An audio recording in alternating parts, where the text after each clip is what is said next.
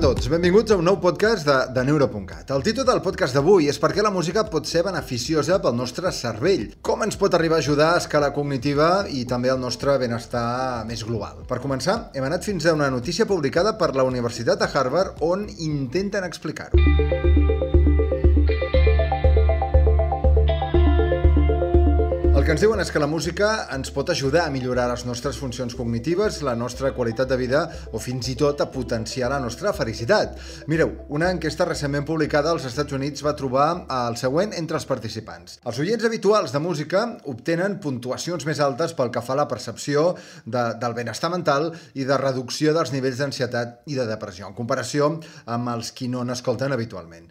Les persones eh, que habitualment van veure actuacions musicals en directe també van trobar que qualifiquen la seva salut mental d'excel·lent o de molt bona. I també els qui estan exposats a música des de, des de ben petits asseguren que la seva habilitat per adquirir nous uh, coneixements és excel·lent en comparació amb els qui no van tenir una infància tan musical.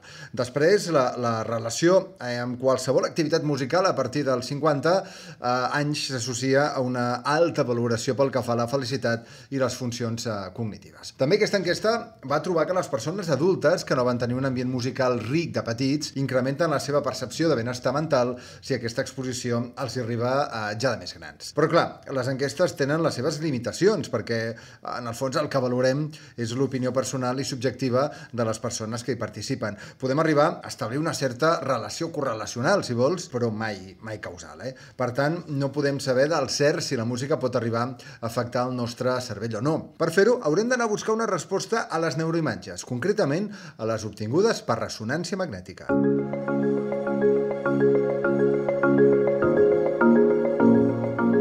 Observem un cervell en acció mentre escolta música, el que hi veiem és que s'activen diverses àrees cerebrals. Per descomptat que eh, s'activa el còrtex auditiu, a prop de les orelles en el lòbul temporal. També s'activen algunes zones relacionades amb les emocions, i això és molt interessant, eh? D'aquí el seu poder abocador perquè intervenen zones com, per exemple, l'amígdala o l'hipocamp del sistema límbic. I també activa parts del sistema motor.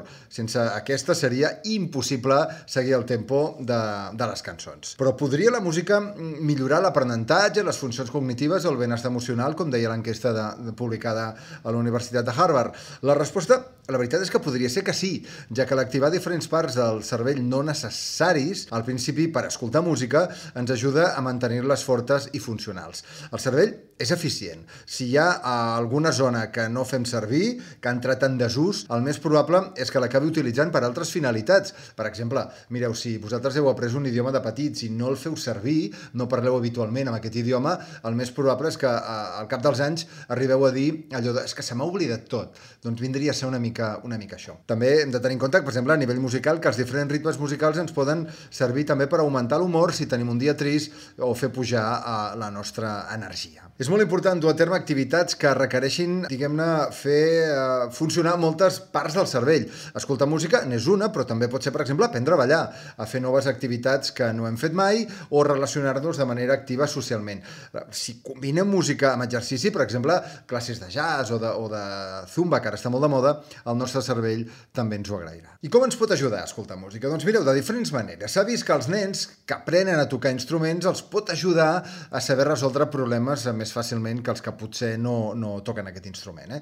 També pot servir com, com a teràpia. Hi ha el cas de la congressista nord-americana Gabrielle Giffords, que el 2011 va rebre un tret al cap quan estava fent un míting. Les lesions sofertes li van provocar una fàsia severa, una incapacitat a la parla que pot afectar les funcions de producció o comprensió del llenguatge o també les dues a la vegada. Gifford va fer servir una teràpia per millorar la fase que incluïa la música. Gràcies a aquesta va saber trobar unes noves vies neuronals, diguem-ne, per accedir al llenguatge i el cervell processa les lletres de les cançons i la melodia des de diferents àrees. Eh?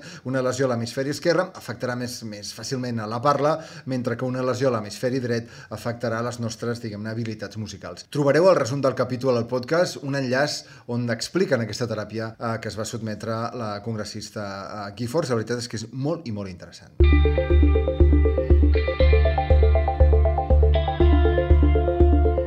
Bé, la pandèmia ha provocat que augmentin molt els casos d'ansietat, depressió o aïllament social. Algunes teràpies pensades per reduir aquests efectes treballant amb la música i les emocions que, que provoca. Els efectes neuroquímics d'escoltar una cançó que t'agrada és eh, que alliberen dopamina, serotonina i en general endorfines, molècules que ens poden ajudar a alleugerir els símptomes depressius i, i també ansiosos. Una bona cançó portarà al cervell a tenir emocions positives i recordar fets agradables i amb sort a una descàrrega que recorrerà tota la nostra uh, columna. Ens posarà la pell de gallina recordant una cançó concreta. Gràcies per escoltar el podcast de Neuro.cat i si t'ha agradat no dubtis en recomanar-lo i deixar-hi la teva opinió. Trobaràs, com us deia, tots els enllaços relacionats amb la música i el cervell als que hem parlat a la descripció del programa. Fins al proper podcast, que vagi molt bé. Adeu!